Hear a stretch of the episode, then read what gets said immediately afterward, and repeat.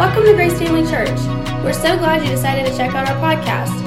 Our prayer is that this teaching from Pastor Tommy will encourage your faith and lead you towards the greatness God has planned for you. Thanks again for listening. We hope you enjoy this message. All right, I want to continue. Actually, I want to bring to conclusion today the series I've been teaching called Three Big Truths. Um, uh, we've talked about three big truths. Um, and today I'm going to sort of bring it all together. But 2 Corinthians chapter 13 and verse 14, one of the last verses in the book of 2 Corinthians, one of the last things that Paul communicated to the church at Corinth. This is what he said. He said, May the grace of the Lord Jesus Christ and the love of God and the fellowship of the Holy Spirit be with you all. Let's pray before we get started. Father, I thank you so much for your word. I thank you that it's true, and I thank you for speaking through me to your people, using me. Uh, I thank you, Father, that I'm just a man, but, but your Holy Spirit lives in me. And, and so I thank you for helping me speak your word to your people. That, that, that I would give a word that is timely, that it would speak to our hearts the things that we need to hear, and that would help us today, Father, so that we can say we are better because we came to church this morning. My life is improved because I heard God speak to me today. I give you praise and thanks for that in Jesus' name. Amen. You know, here in 2 Corinthians, as I said just before we prayed, this is one of the last things Paul penned to the church at Corinth. And, you know, as I was looking at it this week and, and the position of it, it's, it, it was really almost the last thing he said.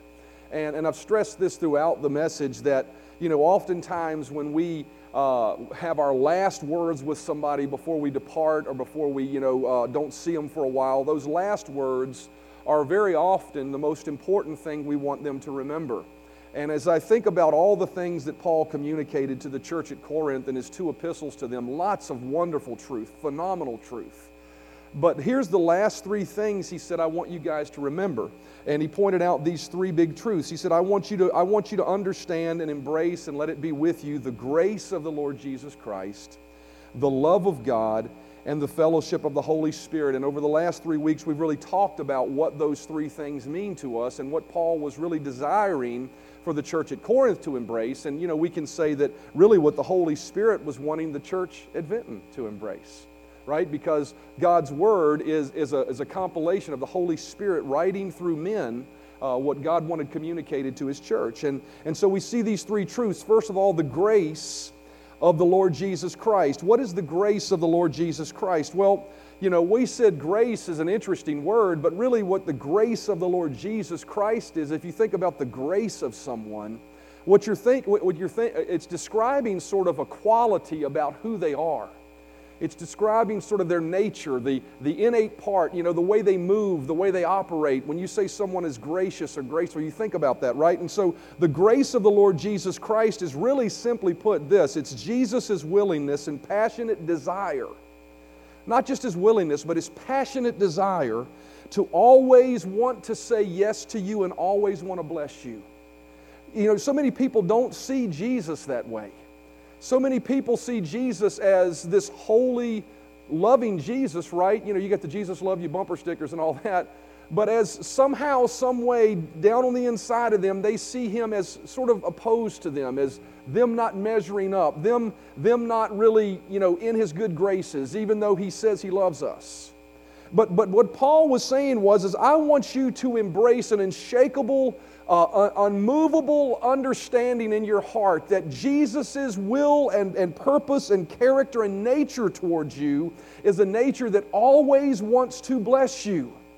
He's not looking to punish. He is always coming after. He's always one. He's not that skeptical, religious, pious, holier than thou one standing on the sidelines looking at you and wagging his head and shaking his finger because you're not living up to his expectation. He is a very gracious Jesus. And not only gracious in the sense that he overlooks our faults and failures, but gracious in the sense that he wants to be benevolent and good to us. 2 Corinthians chapter 1, we've read this verse almost every week, and it's a very powerful verse. It says, For the Son of God, Jesus Christ, who was preached among you to me, eh, uh, and Silas and Timothy, was not yes and no, but in him it has always been yes For no matter how many promises God has made, they are yes in Christ, and so through him the amen is spoken by us to the glory of God. What is he saying there? He's saying that when we really understand Jesus and we understand what he did on the cross for us, we can understand that when we come to him with a promise that he's given us, his answer is never no. When he says, I will forgive you, his answer is never no, I won't forgive you. When he says, I will heal you, his answer is never no, I won't heal you. When he says that I will bless you, his answer is never no, I won't bless you. The gracious nature, and that's what Paul was saying, that we would embrace and carry with us everywhere we go, that I know that Jesus is on my side. How many of you know Jesus is on your side this morning? He's on my side. He's coming after me. He's fighting for me. And then the other thing he said that we should recognize is the love of God. That we should, he said, not only the grace of the Lord Jesus Christ, but the love of God. God, uh, Paul wanted us to carry a deep understanding of how much God loves us. Psalm 103, verse 13 and 17 says, The Lord is like a father to his children, tender and compassionate to those who fear him. God's love is ever and always eternally present to all who fear him, making everything right for them and their children. We find in these verses a description of the love of God. And this is what Paul was praying is that we would embrace this understanding that first of all that the love of God would be a pursuing that we, we would understand that his love is a pursuing love. We, we said this uh, in, in, in, a previous message that so many times we see ourselves as coming after God, but I want you to understand something. You may be coming after God, but I promise you this He is coming after you more violently than you are coming after Him. He is a God that loves us so much that He is pursuing us. His face is, I said it in, one of the other messages, His face is pressed against the window pane of every window of our life. He loves us so much, and He's not waiting for us to come to Him. He is trying to press through every nook and crack and corner of our life to embrace us and show us His love. His love is a pursuing love, and it's an unfailing love. It is a love that will never stop. He said in His Word, I will never leave you. I will never forsake you. I'll never give up on you. He will constantly love us. Even on the day of judgment when we stand before Him, that judgment will be issued from the heart of a loving God. And thank God for those that have received Him. Guess what? we get to jump into his loving arms and spend eternity with him. His love is a unfailing love. And then we also said his love is like the love of a father. In that verse it says like a father.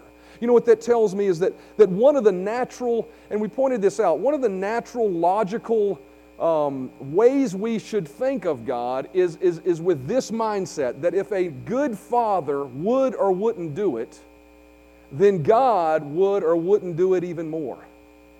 And yet, so many times we don't pr- apply that kind of logic. We allow, you know, uh, you know religion and, and, and, and mysterious you know, unfounded teachings to cause us to begin to think, well, you know, a natural father wouldn't do that, but maybe God has some mysterious plan, right? But, but what the Bible says is we need to understand that God loves us like a father, like a father does. Matter of fact, in Matthew chapter 7, verses 9 through 11, it says, Which of you, if your son asks for bread, will give him a stone, or if he asks for a fish, will he give him a snake? If you then, though you are evil, know how to give good gifts to your children, how much more? Everybody say, How much more? How much more will your Father in heaven give good gifts to those who ask Him? What's He saying? He's saying if a father would do it, God would even do it more. If a father would protect, then God will protect more. If a father would wish and desire and, and want healing for his child, God wants it more. If God would, if, if a father would wish for the best future, I mean, I don't know about you, but for my kids, you know, I, I, want them to, I want them to rise to the top and be the cream of the crop. I want, them, I want them to succeed in whatever they put their hand to. How many of you know God wants that so much more for them and for us? That's the love of the Father. And then we talked about last week the fellowship of the Spirit. That word fellowship is an interesting word. It means, it's the word koinonia. And it's the Greek word koinonia, and it means partnership. That, that Paul was saying he wanted us to experience and embrace the, the partnership of the Holy Spirit in our lives. You know, uh, it, it, literally, that means the meshed and intertwined coming together of spirits in unity. See, He wants us meshed and intertwined with the Holy Spirit. He said, I want you guys to experience the fellowship of the Spirit. in the fullest measure you can possibly experience. And what we pointed out was this is necessary for us to truly experience the love of God and the grace of, God, uh, uh, the, the grace of Jesus. The love of God's coming after us. The grace of Jesus is wanting to bless us. But to actually, for that to be a reality and not just a belief in our life, it requires the fullness of the Spirit in our life. He is the third part of the Godhead, He is a person. Just like you have God the Father, just like you have God the Son, you have God the Holy Spirit. A very real person. And that person of the Holy Spirit, Paul was saying, I want you to embrace the fullness of that person of the Spirit. Why? So that he, as the active agent of God in the earth, can bring about not just a thought that God wants to bless you, and not just an understanding that God loves you, but a real, a real encounter with Him manifesting blessing in your life, with Him pouring power into your life, and with you experiencing love like you've never experienced before. See, God doesn't want us living a life of, of just believing something and never experiencing it. And the thing that brings all of that to reality is the fullness of the Spirit working in your life. Now, today I want to bring all of that truth together into one final point before we close this series up. 2 Corinthians chapter 13 and verse 14. Notice it says, May the grace of the Lord Jesus Christ and the love of God and the fellowship of the Holy Spirit be with you all. Everybody say all. When Paul wrote this, you know, the interesting thing about the Bible is, you know, you should always read the Bible understanding that this is God's word to me, right? How many people ever read it for somebody else? Well, you know, I wish so and so had read that, right? When we read it, you know. We need to read the Bible and take it personal. But I want you to notice something unique about the quality of what Paul said here because he said many things, right? He used the very singular word you many times throughout the first and second book of Corinthians. But in this verse, he said, I want you to experience the love of God, the, the grace of Jesus, the fellowship of the Holy Spirit. But he said, I want it to be with you all. It wasn't just a singular message for one individual. Paul's deepest wish was that, that, that, that, all three of those things would be manifest in that body of believers amongst each other and hopefully eventually spilling out onto others around them. It was the will of God that the grace and love of Jesus would actually permeate the entire congregation of believers to the point that that congregation didn't just believe these truths about God, but they became these truths. How many of you realize it's one thing to believe something, it's another thing to be something, right? There's a lot of people that say they believe. Matter of fact, in James it says that even the devils believe certain things about God. They believe those things, but how come they're, they're not followers of God? Because they're not being those things. And so when we talk about understanding the grace of Jesus and the love of Jesus and, uh, and the Father and the fellowship of the Holy Spirit, what Paul was saying was, I don't want you just to know those things and believe those things about God, but I want you to become the very essence of those things. I want it with you all. I want it amongst you. I want it dwelling within your midst. And so he was saying, you know, I want you to be, number one, gracious people. How many of you know God wants us to be gracious, kind people? to those around us so that people understand who Jesus is, that we wouldn't view our brothers differently than God views us. See, we said the grace of the Lord Jesus Christ is a willingness and a, a, want to of always wanting to bless, always wanting to help, always wanting to forgive. How many of us, how many of you realize that not only does God want us to believe that about God to us, He wants us to express that same attitude toward others? See, we need to be gracious individuals. As a church, we need to be gracious. That we wouldn't view our brother or even the lost world as someone we're opposed to or as competition. You know, so many times in our life, we're, we're so challenged to view everyone as competition that we have to get ahead of. But what God says is He wants us to be gracious people. He wants us to view each other as, as, as people that He loves and that we want to help and that we want to bless. And if they get ahead before I get ahead, that's okay. That's the kind of attitude we, should, we would have. That we wouldn't embrace an us against them mindset. For God is not that way towards us. How many of you realize when God looks at you, it's not you and I'm against them? It's not you, it's, man, I'm coming after you. And that's the mindset, that gracious nature God wants us to have because that's the way God has extended His love to us. It says, For God so loved the world that He gave His only begotten Son, that whosoever believes in Him should not perish but have everlasting life. For God did not send His Son into the world to condemn the world, but that the world through Him might be blessed. There is so much condemning of others going on in our culture today. So much looking at someone else and pointing the finger and, and blaming and accusing going on. And it's not only in our social media and our social aspect, but the church can be guilty of this.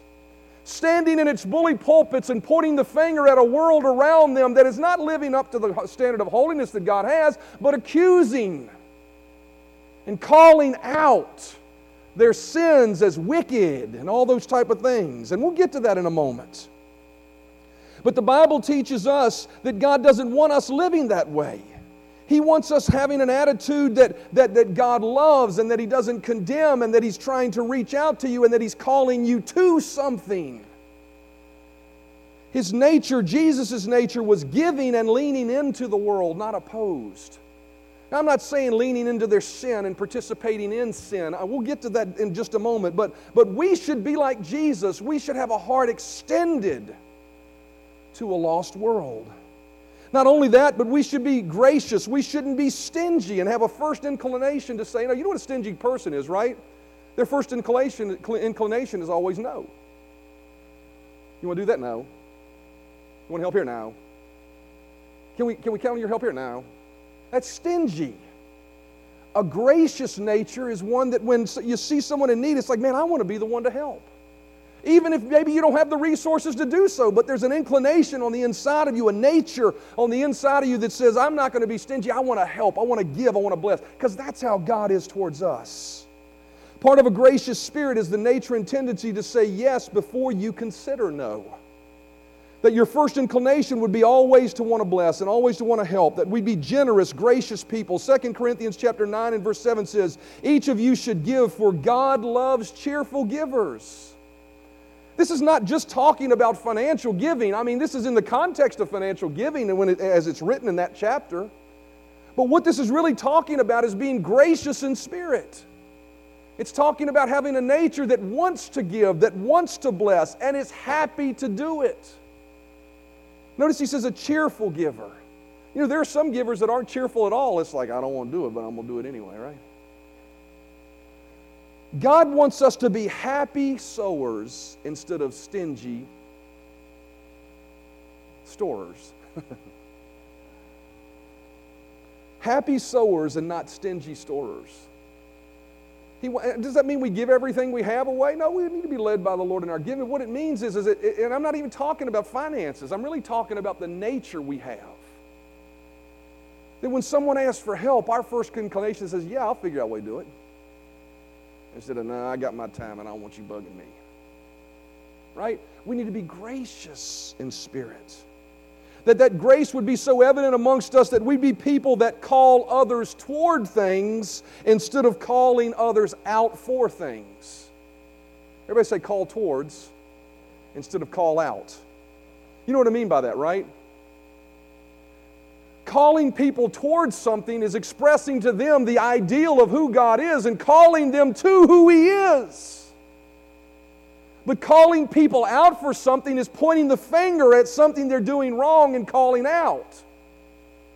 I would, some people say, well, brother, you, the Bible says we need to do that. And we certainly do should, should call out at times, but I'll express to you how and why in just a moment. But if we think about the fact that Jesus, you know, Jesus, the only time he called people out for their sin was really, as I find it, three categories. First of all, injustice. He would call people out that were abusing the weaker. He would certainly call that out and say, that's not right, that needs to change. There are also times when people, Jesus would call people out for weak faith. As Christians, we don't ever want to do that. As a matter of fact, most of the time we make excuses for bad things happening in our life as the will of God is because we don't want to own the fact that really it's probably the fact that we haven't risen to the level of faith to get that thing out of our life yet. And that's, that's on us. But Jesus would call people out for weak faith. People would come to God and they would say, You know, why is this happening in my life? Why didn't this prayer get answered? And what was his answer always? It was, Oh, you have little faith. Never once did you hear Jesus saying, Oh, brothers and sisters, it was in God's mysterious plan, and His reason for you to keep this is because He's got a mystery you don't understand. No, His answer was always the reason you ain't got that out of your life is because of weak faith. That may be hard on, and I'm not, you know, that's me too, right? We're human.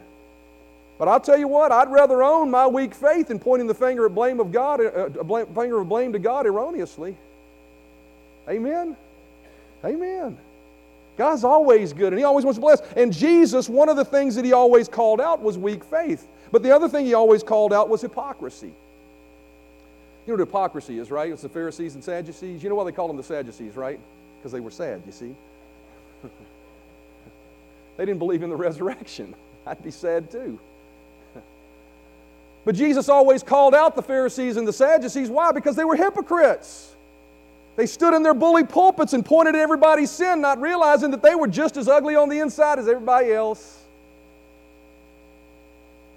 Jesus called those things out.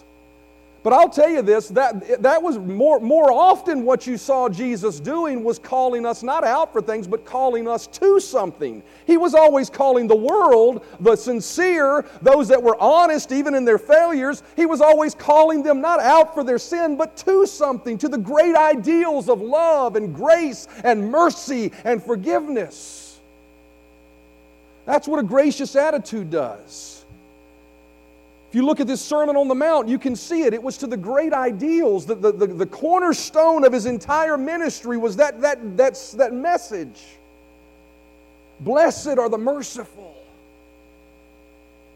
You know, those that hunger and thirst for righteousness. He was calling them to something. That's what a gracious nature does. It shows people God's best and calls them to it. He was not an angry at the world preacher. This is not to say that we shouldn't call out sin. The epistles are full of pointing out what sin is. How many of you realize if you read the Bible, it calls out sin? And that's where maybe the message of grace, some people can take it too far. Think we should never talk about sin. Sin is absolutely something the Bible talks about. But I'll tell you something, it always talks about it not from a condemning, pointing the finger at you that because you're so bad type of mentality. We may read it that way, but that's not the intention of God when it's communicated. It's always communicated from a loving heart that says, This could hurt you, and this is why I'm warning you of it.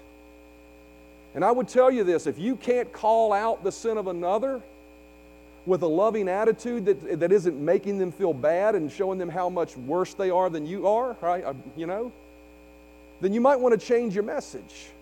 And you might not even want to say anything until you can do it from a loving heart.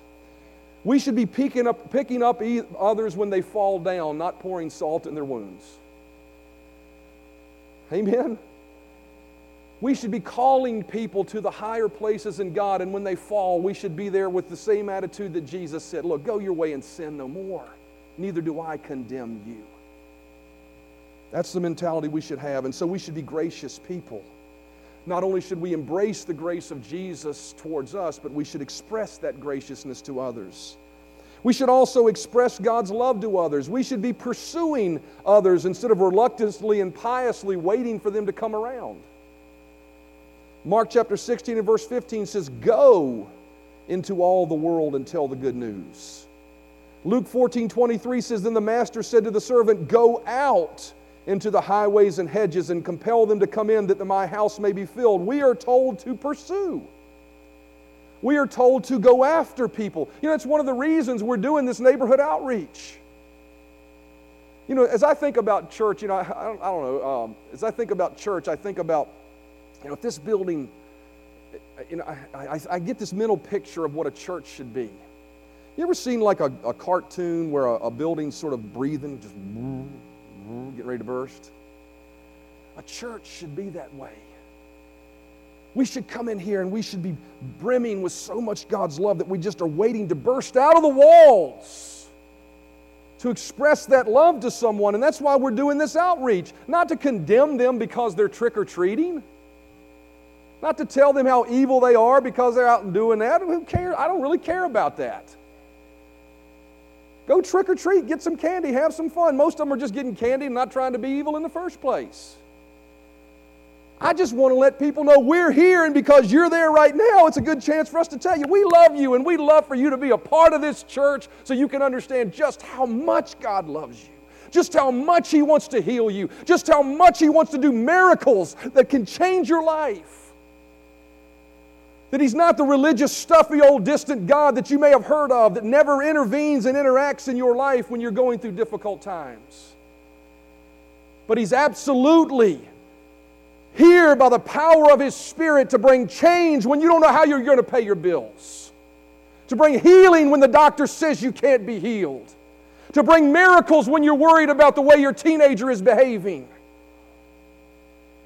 This is who God wants us to be, and we're told that we're, we're to have that same kind of pursuit. You realize that God came after us with that kind of relentless nature.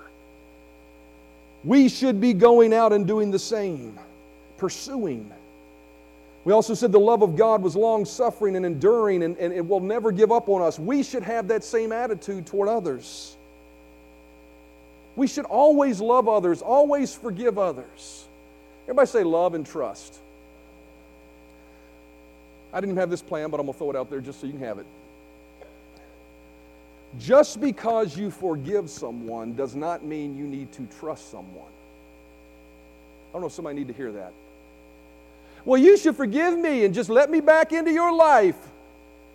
Well, I run all over you and abuse you and treat you wrong. No, I forgive you. And I'll pray for you and I won't have harbor bitterness for you. But trust is something you're going to have to earn from me. Amen. You know, Bible talks about God looks at people and measures them by their faithfulness and promotes them based on their faithfulness.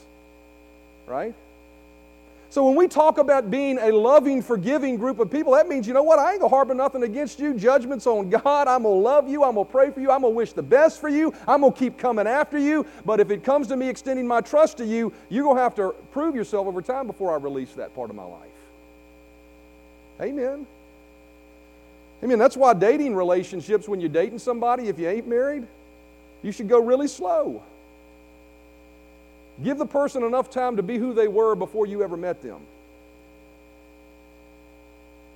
Give them time for the makeup to come off, for the billboard they're putting in front of you to leave. I've always said this if a person is something like, if the person is like this before they met you and all of a sudden they're different, you're dating a fake thing. People will become what they have been unless there's a dynamic change in what God has done in their life. I don't know why I didn't plan on sharing in this. Somebody needed to hear that today. God wants you to understand something. You forgive and you love and shake loose all that junk and all that bitterness and you move forward with God, but you dig your heels in and say, Bless God, people are going to have to earn my trust. Amen. But we need to be loving. We need to be merciful. We need to be forgiving. It says, put on tender mercies, kindness, humility, meekness, long suffering, bearing with one another and forgiving one another. If anyone has a complaint against another, even as Christ forgave you, so also must you must do. We must be forgiving people. As Christians, we cannot become the mean, crusty, old, bitter Christians that many people become. You know, I, I traveled to Brazil at one point and, and taught in a ministers' conference, and there were probably, you know, 200 ministers sitting in a room, and they had me preaching for three nights, and I knew that two of the nights were just filler nights. I knew there was one message that the Lord had me down there to preach, and it was a message on forgiveness. You know, as we, as we serve God and follow God and put our hearts out there, I promise you this people are going to step on your heart. People are going to misuse you when you meant every, when everything in you was intended for right, but it was just done wrong because you're human and you make mistakes. And sometimes it was just perceived wrong even though you didn't make a mistake. And people are going to hurt you and they're going to abuse you. And what can happen is you can back yourself up into a shell and you can stop being gracious. You can stop being a giver. You can stop being a lover of others. You can stop being one that reaches out. But what God wants us to do, and I remember what I preached in this room was that we couldn't become uh, crusty old mean preachers who guarded our heart to the point that we couldn't extend our heart to others and trust God to make up the difference. It was such a beautiful thing because that night I saw the altar filled. It was really interesting. I saw the altar filled first I was preaching, to, you know, it was a room full of pastors and, and ministers and ministers' wives. And, and, and, and when I made the call, all the women came forward. And the men sort of stood there stoically. And I thought about why that was, but I realized as it was happening what the Spirit of God was doing, those, those women had second offenses. You know what? What's harder to get over is a second offense than a first offense. Those women had second offenses on the inside of them because they had seen their husbands used and misused and abused and misunderstood and treated badly, and they had walled their heart off from being able to minister to anyone ever again because they didn't want to see that happen anymore. And I watched God miraculously heal them, and as God began to heal them, I watched those men begin to break and come forward as well and let go of the pains of the past so they could be what? Tender Jesuses to the world. Amen. We should be people that also express the love of the Heavenly Father towards others, protecting others, loving others, and looking out for others. And finally, we should be people that bring the fellowship or fullness of the Spirit to others. What do I mean by that? We shouldn't bring a mealy mouthed, watered down message of no power or real life manifestation. I said this last week, and I'm adamantly I'm adamant about this in my own life. I will never compromise what is written in the Word of God that requires power for it to come to pass just because I have not seen it come to pass yet. There are preachers everywhere that look to reason away the power of God that is very clearly stated in the Word of God. But we should not bring that type of mealy mouth, pat your hand message. Why? Because that's not who God is. Our message shouldn't be one of wishful grace and theoretical love of a distant God that only offers platitudes and hand patting. That's not who Jesus was, and He's the same yesterday, today, and forever. Our message should be very personal and it should have real life impact. We should not be afraid to tell someone who is on a deathbed, Jesus can heal you if you will only believe, for fear of it not happening. Why? Because the Scripture says it's true. And if the Scripture says it's true, I'm telling you, I will go to my grave declaring it before I compromise it. We should be people that declare the fullness of the Spirit of God. What does that mean? That the third part of the Godhead is present here today to move in your life as much as He was to bring about light when God said, Let there be light. But that only comes through a deep fellowship of the Spirit in our lives and bringing it to the lives of others. We should bring the intersection of truth and manifestation as a church. We should not just be bringing truth. Now, it's not on us to bring the manifestation, but I got to tell you, we must believe God and have faith for the manifestation. We must believe, God, that when we declare the truth, it's, it's not just something we always say and it never happens. We should bring the intersection of that truth and the manifestation of it as a church. Matthew chapter 10 and verse 6 and 8 says, But go rather to the lost sheep. And as you preach, as you go, preach, saying, The kingdom of heaven is at hand. Heal the sick cleanse the lepers, raise the dead, cast out demons. Freely you have received, freely give. What he says is, is you should be giving the power of God to others and not just the platitudes of God to others. I'm grateful for the platitudes of God, but the platitudes of God, when backed by the Spirit of God, bring the demonstration of God. And we should be people that are believing and willing to declare it. Paul said, I am not ashamed of the gospel of Jesus Christ, for it is the power of God unto salvation. I'm not ashamed to tell someone that Jesus will heal them. I'm not ashamed to tell someone that Jesus will fill you with the Holy Spirit with the evidence of speaking in other tongues. I'm not ashamed to tell someone that Jesus died so that if you were poor, you could actually be made rich and prosperous. We should be the intersection of truth. We should be the, bring the fellowship of the Spirit into people's lives. As the musicians come, I'm going to close with this. 2 Corinthians chapter 13 and verse 14 says, May the grace of the Lord Jesus Christ and the love of God and the fellowship of the Holy Spirit be with you all. We are called to know and experience these three big truths in our lives, and we're called to convey these three big truths so that they can be experienced in the lives of others. We are called to be the embodiment of them. May we be as gracious as Jesus has been to us. May we express love to others in the very same nature that God expresses it to us. And may we bring the fellowship of the Spirit to others as we fellowship with the Spirit ourselves. May we bring it to others. You know, as I was thinking about that last, the next to last verse I read, if you'll go back to it for a moment, and it says, But go rather to the lost sheep. Go to the lost sheep. Jesus said it is the sick that need a physician. And I'll tell you, as I was, you know, I do every week, I, I, stand in the back and shake hands, but before most people get here, and as the worship team is worshiping, I'm either in the prayer room there or either I'm walking around, I'm praying, Lord, thank you for filling these seats. But I can tell you this the nature of my cry for that is not because I want a full church. It's not because I want to be a successful church or pastor. It is because the love of the Father is to touch people that are hurting. And I, and I would say that, you know, as I was preparing this message, we need to be the embodiment and expression of these things to others. But one of the things that we can do on a regular basis, and we should be doing as fellow church members of the same family,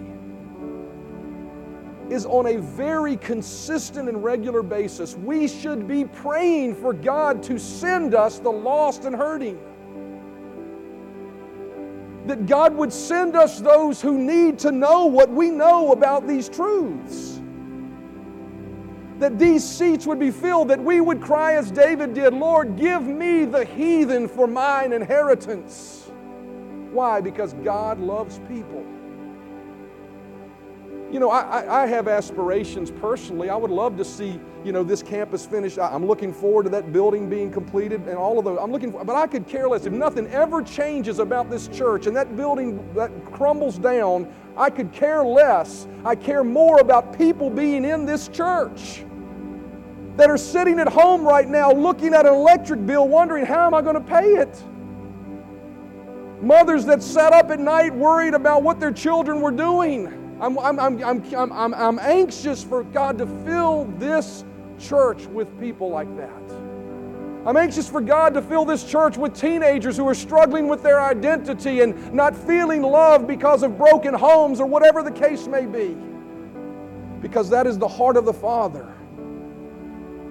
It's the sick that need a physician.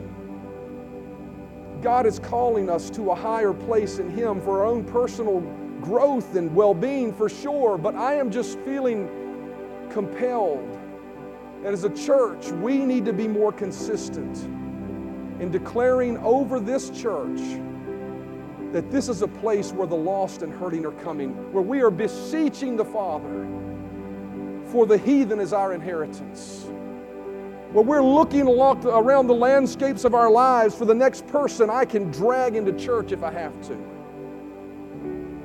That is looking for answers because I am uncompromisingly willing to tell them that Jesus is the answer.